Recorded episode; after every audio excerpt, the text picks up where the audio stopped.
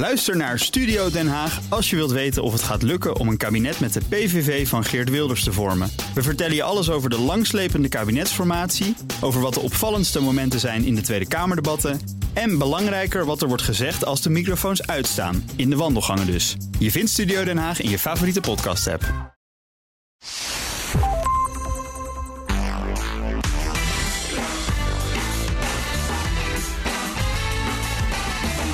Welkom bij de Ben podcast, de podcast over persoonlijke en professionele groei. Wat bepaalt nou of iemand succesvol wordt? Waarom is Bill Gates miljardair geworden en de andere mensen die bij hem in de klas zaten op Harvard niet? En wat zorgde ervoor dat de Beatles de meest succesvolle popgroep aller tijden werden? Was het talent? Ging het om genialiteit? Of zijn er andere factoren in het spel? Was het misschien gewoon dom geluk allemaal? Daarover gaan we het hebben in deze aflevering van Ben's Boekenclub. Het gaat deze keer over het boek Uitblinkers. Outliers van Malcolm Gladwell. Ondertitel Waarom sommige mensen succes hebben en anderen niet. Ik bespreek het boek met twee vervente lezers van managementboeken, Lisbeth Tetro en Thijs Peters. Lisbeth is trainer en coach van bestuurders en van ambitieuze vrouwen. Thijs is hoofdredacteur van Good Habits online trainingen. Welkom allebei, leuk dat jullie er zijn. Dankjewel Ben, Dankjewel. leuk hier te zijn. Voor we beginnen, eerst nog even dit. Na een succesvolle eerste reeks is er nu deel 2 van Snapchat Social Stories. In deze podcast duikt Patricia van Liemt in de wereld van AR. Want wat is augmented reality nu precies? En hoe kan het bijdragen aan echte bedrijfsresultaten? Kan AR de wereld een stukje duurzamer maken? En hoe ziet de toekomst van AR eruit? Luister nu naar deel 2 van Snapchat Social Stories via je favoriete podcastkanaal. Zullen we even een stukje luisteren van, uh, van Malcolm Gladwell? Even luisteren wat hij er zelf over zegt. What he was saying, in other words, that even if you endow a child with a brain that is a one in a billion brain, that is not sufficient to ensure the success of that child. That poverty is such a powerful constraint on capitalization that it can reduce that genius child to a lifetime of worse than mediocrity, a, a lifetime of really profound um, disappointment. Je kunt dus geniaal zijn, je kunt een fantastisch brein hebben, maar je omstandigheden, de omstandigheden waaronder je, waaronder je opgroeit, maken dus heel veel uit. En daar gaan we het onder meer over hebben met elkaar. Eerst maar eens even de vraag, jullie, uh, Lisbeth, wat vond je van het boek? Wat, wat, moeten we absoluut bespreken volgens jou? Wow, nou, uh, het leest als een trein, het leest heerlijk, dat, dat vooral. Ik dacht, nou, dat is dat boek over die 10.000 uur. Dat betekent gewoon ploeteren, ploeteren, ploeteren. Ja. Maar het blijkt dus zoveel rijker dan dat. En wat je net zei, hè, het gaat over zoveel andere omstandigheden die meespelen, plus 10.000 uur. Ja, die 10.000 uur, dat was dan dat verhaal van die Erickson, die psycholoog... dat als je 10.000 uur gericht oefent, dan word je world class in, in, dingen. Hè? Dat is het verschil tussen een, een, een wereldberoemd concertviolist... en iemand die muziekles geeft op een muziekschool. Oké, okay, ja, Met dezelfde precies. opleiding. Ja. Dus je moet die 10.000 uur hebben gemaakt... dan kun je die wereldberoemde concertviolist uh, of pianist Ik denk dat worden. de kans dan groter is. Nog Kan steeds geen groter, ja, ja. garantie, maar... Ja. Oké, okay. Ja. maar het boek gaat over veel meer dan dat. Ik kijk even naar jou, Thijs. Wat, wat vond jij van het boek? Wat, uh, wat vond je ook belangrijk om te bespreken? Nou ja, ik schrok een beetje van die ondertitel. Want ik dacht, waarom sommige mensen succes hebben en anderen niet. Dan krijg je zo'n zelfhulpboek met allerlei tips. Maar dat is het helemaal niet. Het is eigenlijk best een diepgravend sociologisch boek... waarin uitgelegd wordt waarom sommige mensen succesvol zijn. Uh, ja, dat, ik vond het een page-turner, dit. Ja, leuk zeg. Ja, dan gaan we het ook aan het einde zeker ook over hebben met elkaar. Wat ook de maatschappelijke consequenties eigenlijk zijn van, van deze manier van kijken. Goed, wat bepaalt nou eigenlijk maatschappelijk succes volgens Malcolm Gladwell? We hebben samen een rijtje gemaakt. En uh, het helpt natuurlijk als je intelligent bent en als je hard werkt en dat soort dingen. Uh, maar er zijn dus ook factoren waar je zelf helemaal niets aan kunt veranderen. En Gladwell die laat op een overtuigende manier zien hoe belangrijk die factoren zijn. Nou, moet je dan denken, daar gaan we dus ook met elkaar over hebben met elkaar wanneer je geboren wordt, dus het jaar en de maand waarin je geboren wordt, blijkt belangrijk te zijn, gaan we het zo over hebben. Wie je ouders zijn, de omgeving waarin je je ontwikkelt, de cultuur van je land en dus ook nog een keer dom geluk speelt ook een rol. En er is ook nog een factor die Gladwell helemaal niet noemt en daar gaan we het ook over hebben. Nou, we gaan er samen doorheen.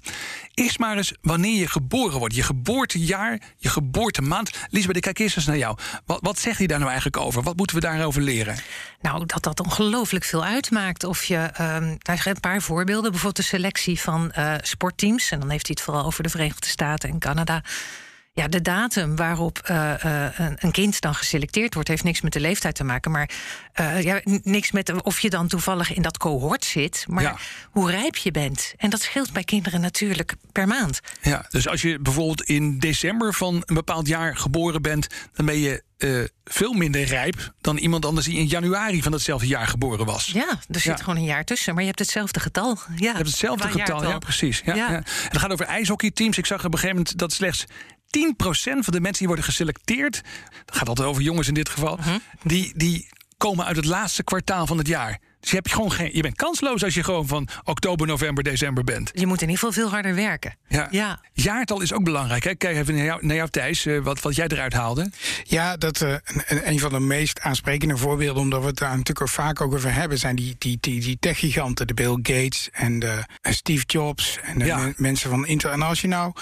Die blijken dus allemaal ergens tussen 1953 en 1956 geboren te zijn bizar, hè? Als je dus op een rijtje ja. zit, inderdaad. Ik, ik heb het hier ook staan. Steve Jobs, 1955. Eric Smith, 1955. Bill Joy, 1954. Bill Gates, 1955. Maar hoe zit dat?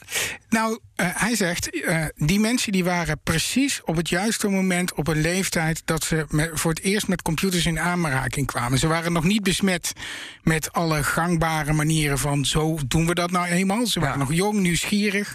En ze hadden de middelen. Bill Gates had op een privéschool... waar ze toevallig een van de allereerste computers hadden staan... die in verbinding stond met het netwerk. Hij kon de hele dag kon die gaan coderen. Ja. Miljarden andere kinderen konden dat niet op dat moment. En hij wel. Maar uh, uh, was hij twee jaar eerder geboren... dan had hij gewoon uh, geen computer gehad... of had hij met ponskaarten moeten werken. Dus ja, je, je ja. zag dat gewoon... En je ziet het ook nu, hè. Dus we hebben het nu over de verloren generatie. Dat is ook echt zo. Ik heb een ja. Ik ben in de jaren 70 geboren, 75. Toen ik van de universiteit kwam, toen waren er banen te over. Jaren 90, alles ging goed. En je moet maar uh, tijdens de financiële crisis van ja. de universiteit komen, heb je een probleem. Dus dat is een factor waar je eigenlijk helemaal niets aan kan doen, maar wat eigenlijk je hele carrière kan bepalen. Ja. Zijn er voorbeelden uit je eigen omgeving waarvan je zegt, nou, dat herken ik. Dat de maand waarin je geboren wordt of het jaar waarin je geboren bent, dus zoveel uitmaakt. Je noemt net zelf iets uh, over je eigen leeftijdscohort, Thijs. Andere voorbeelden nog die we kennen? Nou, ik uh, leef enorm mee met de mensen die nu zelfstandig uh, willen gaan wonen en een huis nodig hebben. Een paar jaar geleden was de huizenmarkt toch heel anders. Ja. En probeer het nu maar eens. Het, het, het lukt gewoon niet. Dus dat, mijn hart bloedt hoor. Ja, ik kijk nog even naar jou, Thijs. Andere voorbeelden die jou te binnen schieten over maanden of jaren waarin je geboren wordt? Nou, tijdens het lezen van dit boek besefte ik ineens... mijn dochter is van uh, september. Het gaat ja. heel goed met haar, hoor. Maar dat betekent dat toen zij naar school ging... was ze altijd de jongste in de klas. En was ze dus veel minder rijp. En zeker als je zes, zeven jaar oud is, maakt dat heel veel uit. Dus is ze waarschijnlijk altijd als minder slim gezien... dan kinderen die gewoon rijper waren. En in feite zet je dat op een enorme achterstand elk jaar weer. Want je mag niet in het plusklasje en, en, en dat soort dingen. En, en dat besefte ik ineens aan het boek. Van hé, hey, uh, uh, je denkt, ah, dat gaat dan één jaartje fout. Nee, dat is iets wat je eigenlijk je hele leven meedraagt. Want je mag niet in het plusklasje, je krijgt minder begeleiding, enzovoort, enzovoort. Wonen we gelukkig in Nederland. Dus mijn dochter heeft het uh, uiteindelijk goed gedaan en die ja. gaat naar de universiteit volgend jaar. Dus dat is goed gekomen. Maar ik denk wel echt dat, dat als je dus een septemberkind bent, moet je gewoon harder werken om hetzelfde te bereiken. Ja. Dan als je een ma bent zoals ik, die in januari geboren is. Ja, en even voor de luisteraars, hè, dat, dat is iets wat ik leid al duidelijk, duidelijk aangeeft. Dat die, eh, als je 8, 9 of 10 jaar bent, dan maken die dus die 7, 8, 9 maanden maken dus echt heel veel uit in je ontwikkeling. Ja, dat is eigenlijk wat uh, Lisbeth al zei. Die, die hockeyteams, dan als, je, als je die maanden ziet, geboortemaanden... Ja. die helft van het team komt uit januari, februari. Ja, Bizar, hè? We gaan dus even een stapje verder. Want uh, ja, wanneer je geboren bent is één ding. Maar ook de ouders die je krijgt. Hè, dus uh, sommige mensen zeggen wel van... ja, wil je het geheim van succes kennen? Uh, choose your parents wisely. Kies je ouders goed. Maar dat maakt dus echt wel uit, hè? hun achtergrond, hoe rijk ze zijn. In het boek gaat het onder meer over mensen die heel intelligent zijn. Maar sommige daarvan die krijgen het eigenlijk niet voor elkaar... om door te breken, zou je kunnen zeggen. En anderen hebben wel de mogelijkheden. Liesbeth, wat, wat, vond, wat vond jij leuk daaraan? Wat waren voorbeelden die jou aanspraken? Um, nou moet ik je de naam schuldig blijven. Maar in ieder geval het verschil tussen Oppenheimer, die van de kernbom, En een andere briljante man. Oh ja, Christopher Langen. Dat is, dat is iemand die Gladwell zelf heeft uh, gesproken. Een IQ van 195 had die man. Enorm. Hoger IQ dan Einstein. Maar die was in, in bijzonder uh, arme omstandigheden opgegroeid. En zijn moeder bijvoorbeeld vergat gewoon dat ze niet zo geletterd was en met formulieren wijs was. om, om uh, aan te melden dat hij weer naar school wilde. Ja. Dus hij miste zoveel kansen daardoor. Nou, die Oppenheimer kreeg echt gewoon alles om een presenteermelaatje. Die heeft zelfs een keer geprobeerd zijn professor te vermoorden. Kwam die nog mee weg ook? Ja, ja precies. Ja. Zien we dit soort dingen ook in het dagelijks leven hier? Ik kijk even naar jou, Thijs. Je komt nogal wat mensen tegen. Je hebt zelf jarenlang ook in de journalistiek gewerkt. Uh, ja, ja, je ziet die handigheid natuurlijk wel. Hè. Ik, uh, ik, het valt mij altijd op. Ik heb zelf bijvoorbeeld niet in mijn studentenvereniging gezeten. Ja. Maar het valt bij mijn vrienden die dat wel hebben, valt me altijd op hoe handig ze netwerken en hoe, hoe, hoe vind ik dan, ongegeneerd ze zichzelf op de voorgrond kunnen zetten. Ja, en ja. Uh, uh, uh, dat zijn echt dingetjes. Als je dus in een iets meer, ja, elitair klinkt meteen weer zo, maar als je in een iets meer elitaire omgeving opgroeit, dan leer je heel veel van die dingen uit, die, die krijg je van nature mee. Ja. En nou ja, als, als jij hier uit, uit Amsterdam-West komt, dan moet je dat zelf allemaal leren. En, en, en ja, dat scheelt enorm. Ja, Elisabeth, ja? Ja, kijk maar naar die documentaire klasse, hè. Die heeft ontzettend veel indruk gemaakt overal. Want die gaat gewoon over uh, kinderen die ongelooflijk slim waren. Echt fantastische kinderen zaten erbij. Maar ja, geen geld voor een lunch. Dus die kwamen de dag door om een sultana. Ja. Hoe, hoe kun je dan ooit nog... Uh, uh, je hersenen hebben heel veel uh, brandstof nodig. Meer dan een sultana per dag. Meer ja. dan een sultana per dag. Ja. Maar, uh, en, en, kinderen die moesten werken na school. En hoe kan je dan 10.000 euro aan iets besteden om ergens heel goed in te worden? Ja, precies. Ja, ik, ik ken hem trouwens niet, die documentaire. Hoe heet die, zeg je? Klassen. Klassen, oké. Okay. Ja. ja. Ik zat zelf ook te denken, een vriend van mij... die is opgegroeid op een boerenbedrijf. En ik kom zelf uit gewoon een, een arbeidersnest. En het grappige is, hij denkt dus al van jongs af aan anders. Hè? Dus ik denk in vierkante meters en in guldens. En hij, hij heeft gewoon leren denken van jongs af aan in hectares en in duizenden guldens. En ook zijn, zijn vader was dan een boer met echt heel veel personeel. Zijn vader zei dan ook 's morgens van jij gaat dit doen, jij gaat dat doen, jij gaat dat. Ik vind altijd nog een beetje ongemakkelijk als ik iemand een opdracht geef. Dat heb ik altijd een beetje vragende wijs. Maar ben je er zelf een beetje over eens? Soms verwachten mensen duidelijkheid, maar dat geef ik dan niet. Terwijl hij vindt het dus geen enkel probleem om te zeggen: nou, jij doet dit, jij doet dat, jij doet zus en dan gaan we aan het werk. Is dat herkenbaar ook voor jullie dat op die manier, ja, dat mensen dus echt verschillen? Gewoon domweg door die eerste pak een beetje 18 jaar in hun leven, dat ze in een bepaalde richting worden opgevoed. Enorm. Ik zie niet anders in mijn coachpraktijk. Ja. Daarom is het ook altijd zo belangrijk. Mensen denken, ik ben hier niet in therapie. Maar het is belangrijk waar en hoe je bent opgegroeid. En dus dus uh, hoe jij hebt leren denken, hoe jij hebt leren functioneren in de maatschappij. Kun je dat nog laten repareren? Vraag dan even aan iemand die coacht op dat gebied. Gelukkig wel hoor. Ja, Ja, het scheelt wel? Ja? enorm uh, om, om het uh, te, te leren. Maar ja, als bepaalde dingen heel onnatuurlijk voor je voelen, dan, ja, dan moet je het ook niet gaan doen. Maar het snappen hoe het werkt, dat is al een enorm belangrijke stap. Ja, vind ik ook het positief aan dit boek. Hè? Dus dat betekent dat het weten van die 10.000 euro, wat dus ergens wel op slaat, betekent dus ook dat als jij weet hoe het werkt, dan kun jij natuurlijk ook wel zeggen: ik ga hier nu 10.000 euro aan besteden. Ja. Want ik wil Ja. het graag. Dus het is ergens ook wel een beetje optimistisch boek. Ja, er zit toch hoop in. Ja. Er, zit, er is hoop als je weet wat je mist. Dan kun je eraan werken. Ja, nou, we hebben het gehad over wanneer je dus geboren wordt. We hebben het gehad over je ouders. Maar de omgeving waarin je ontwikkelt maakt dus ook heel erg veel uit. En dan gaat het dus ook heel erg over die 10.000 uur. Krijg je zonder dat je daar misschien een keuze überhaupt in maakt... als eh, jongere al de gelegenheid om die 10.000 uur te maken. Ik kijk naar jou, Thijs. Ben je muziekliefhebber? Hou je van de Beatles? Ja, zeker. En eh, ik vond dat een van de leukste delen van het boek. Eh, ik dacht natuurlijk, zijn, die zijn allemaal... Paul McCartney en John Lennon zijn gewoon briljant. Ja. Nou ja, ze zijn misschien ook wel best goed in liedjes maken. eh, maar ze hebben gewoon de mazzel gehad dat ze in het begin van hun carrière. eh, toen zijn ze op een gegeven moment gevraagd om in Hamburg in nachtclubs te gaan spelen. Ja, dat waren dan nog geen muziekclubs, begreep ik. Maar waren eigenlijk een soort Gewoon stripclubs. stripclubs. Ja, precies. Gewoon echt een beetje naughty eh, nachtclubs, zeg maar. En daar speelden ze dan uren achter elkaar. Ja, ze wilden daar gewoon een paar bandjes hebben. En dan mochten mensen konden dan van stripclub naar stripclub. Maar zij moesten dus sets van vijf uur maken. Minstens, ja. nou, dat Ja. is echt niet te doen. En dan kun je dus niet twintig liedjes hebben, dan ben je klaar en dan kun je de boel inpakken. Dan moet je gaan improviseren en dan moet je veel liedjes schrijven en je moet. En daar hebben ze, dus- ze hadden dus in die. Ik weet niet hoe vaak ze in Hamburg hebben opgetreden, valt me mee, ze hebben er 1200 uur in totaal opgetreden. Oké, ja. Nou, en dat is dan misschien nog net geen 10.000, maar hij zegt er zijn eh, tegenwoordig helemaal geen bands die hun hele carrière 1200 uur optreden. Dus als je zoveel kan optreden, dan heb je zoveel meters gemaakt. Ja, dan is het geen wonder dat je boven komt drijven. Ja, ja. Wat haalde jij eruit, dat hele verhaal van die omgeving... die je dan de gelegenheid geeft om zoveel te oefenen? Oh, iets wat ik veel eerder had willen weten. Waarom ik niet goed ben in wiskunde. Ik ben geen Chinees. Oh, dat gaat over cultuur. Daar gaan we het straks nog even over oh, hebben. Ja, dus Dat, dat, dat, bewaren we nog even. Maar dat is wel interessant. Als je in China, als je in China geboren wordt, heb je sowieso al een voorsprong op het gebied van wiskunde. Ja, ja, had ik, ja. ja. Wat had het nog meer? Oh ja, dus Bill Gates, die dus met zijn vriend Paul Allen op die school zat. En dat, waar die dus maar gewoon lekker door kon programmeren. En wat ik ook nog een heel mooi voorbeeld van vond, dat waren die Knowledge is Power uh, program scholen in New York. Misschien leuk om daar nog even kort over te hebben. Uh, die kipscholen, ja. Die kipscholen, ja. knowledge, is power, program, ja. KIPP. Ja, Ze, ze, kwamen er gewoon achter dat uh, zo'n hele lange schoolvakantie... die ze in Amerika hebben, ik vind ze hier al lang... maar daar is het echt extreem. Ja. Uh, dat kinderen best wel meekwamen, maar uh, de kinderen die niet op summer schools konden en allemaal speciale cursussen konden volgen en boekjes van de ouders kregen en dat soort dingen.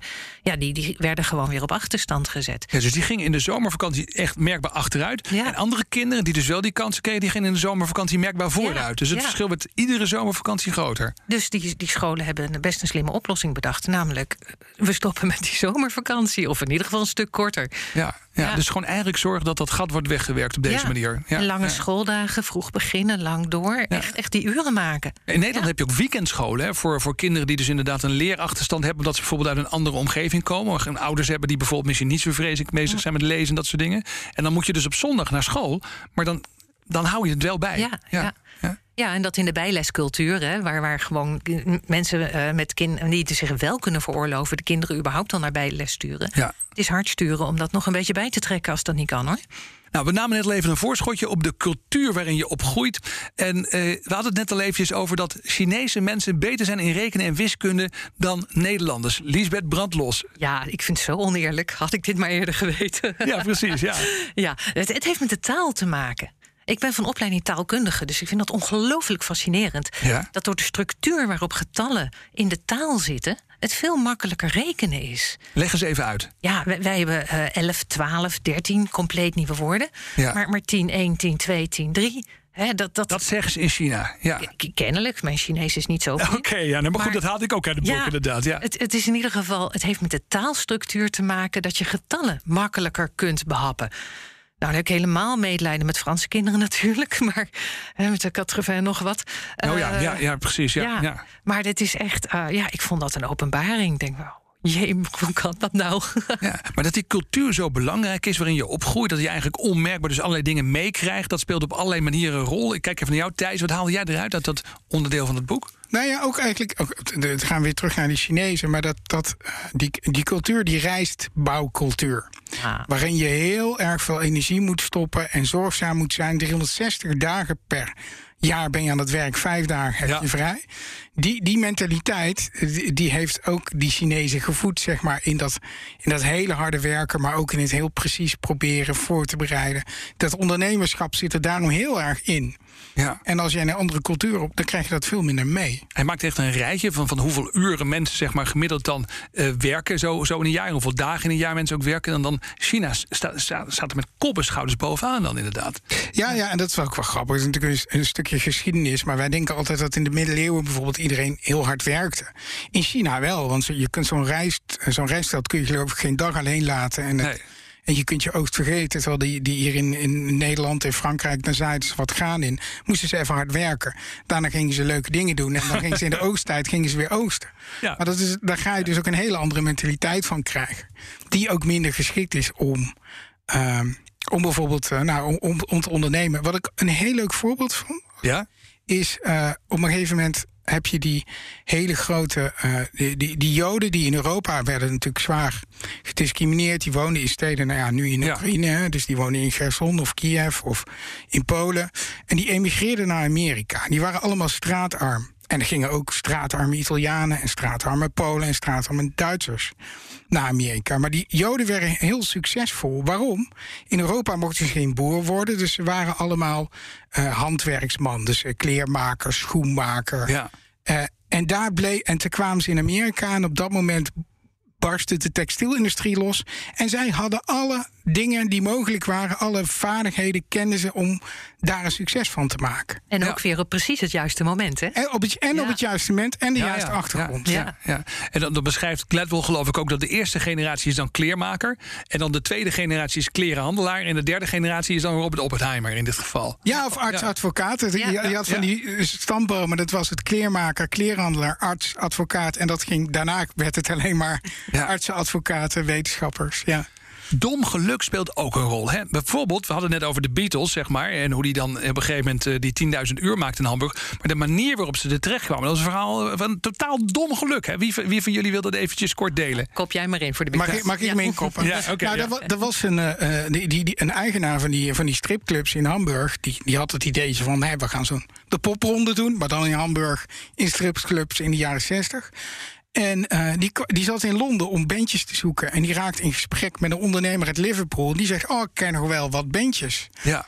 Was dat niet gebeurd, dan hadden eh, Paul en John en Ringo waarschijnlijk eh, nog eh, vier, vijf jaar in het, het clubcircuit in Liverpool gespeeld en daarna in de haven gewerkt. Je weet het niet. Ja, ja, best een hele aardige kans inderdaad. Ja. Het grappige is inderdaad, dus die ondernemer uit Liverpool... die ging daar toevallig rond.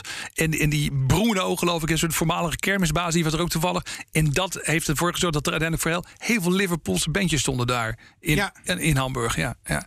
Zeg, ehm, er is ook een belangrijke factor die Gladwell niet noemt. Liesbeth, ik kijk even naar jou. Ja, is mijn stokpaardje, hè? Vertel. Ja, dat, eh, eh, het gaat alleen maar over mannen.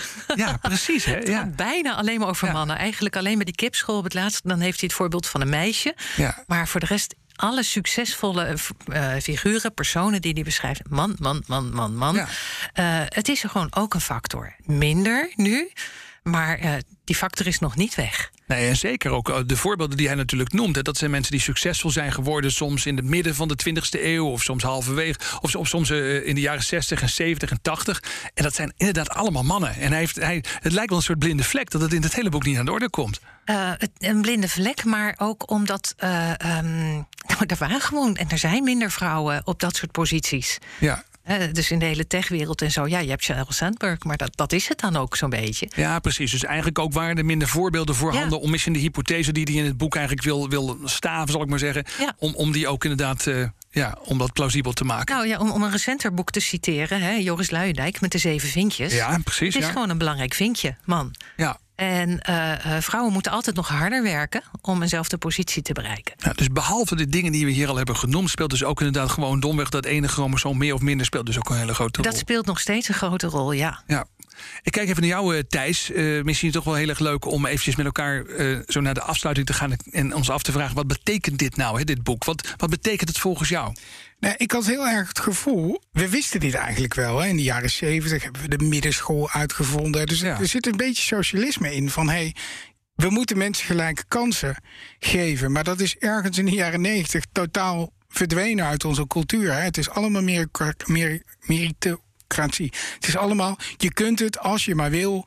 Dan, hè, en als het Ja. niet lukt, dan ligt het aan jezelf. Maar hij laat eigenlijk zien: nee, we houden onszelf voor de gek. Want eigenlijk wordt eh, het grootste gedeelte van wat je presteert en hoe ver je komt in je leven gewoon door die externe factoren bepaald. Dus eigenlijk moeten we toch echt toch maar weer eens gaan kijken. Nou, geven we wel iedereen gelijke kansen? Hè? Ja, precies. Ja. En we, we veronachtzamen eigenlijk dus dat punt dat die achtergrond, geboortejaar, eh, de, de cultuur of de omgeving waarin je opgroeit, dat het ongelooflijk veel uitmaakt. Kijk even naar jou, Lisbeth. Wat, wat haal jij eruit qua betekenis? Ik sluit daarbij aan. Ja, het gaat echt over het gemak waarin mensen hun, zichzelf succes toe-eigenen. Hè? Daar heb Ja. ik gewoon hard voor gewerkt. Eh, daar heb ik hard voor geleerd. Eh, en dat is prima op zich. Als je dan ook maar oog hebt dat dat je echt niet is komen aanwaaien. Ja. En ik denk inderdaad, die documentaire die ik net noemde, hè, Klassen, maar ook het boek van Luijendijk. Ik denk dat het wel weer aan een revival is. Dus de timing dat dit boek hier in de podcast is, is misschien wel heel erg mooi. Ja. Ik, het zou ook zo fijn zijn als die mensen die succesvol zijn. eh, als die zich veel meer gaan, gaan opwerpen als coach en sponsor van, van mensen die niet van nature die kansen hebben. Ja, omdat het dus niet zo is dat als je dus succesvol bent in onze maatschappij, dat je dat allemaal maar aan jezelf te danken, omdat jij nou toevallig zo hard hebt gewerkt. Maar het heeft dus heel veel, er zijn heel veel voordelen geweest in je leven. En je hebt niet eens in de gaten hoe groot die voordelen zijn. Maar dat leer je dus uit dit boek. Onder andere, ja. ja. Ja. Ik wil jullie ontzettend bedanken. Dit was de Ben Tichelaar podcast. In deze aflevering bespraken we uitblinkers, outliers van Malcolm Gladwell... met Lisbeth Tettero en Thijs Peters. Lisbeth, Thijs, heel erg fijn dat jullie erbij waren. Ja, heel graag gedaan. Dankjewel. Wil je op de hoogte blijven van de beste tips, onder meer in deze podcast... ga dan naar tichelaar.nl slash bnr en meld je aan. Dank voor het luisteren.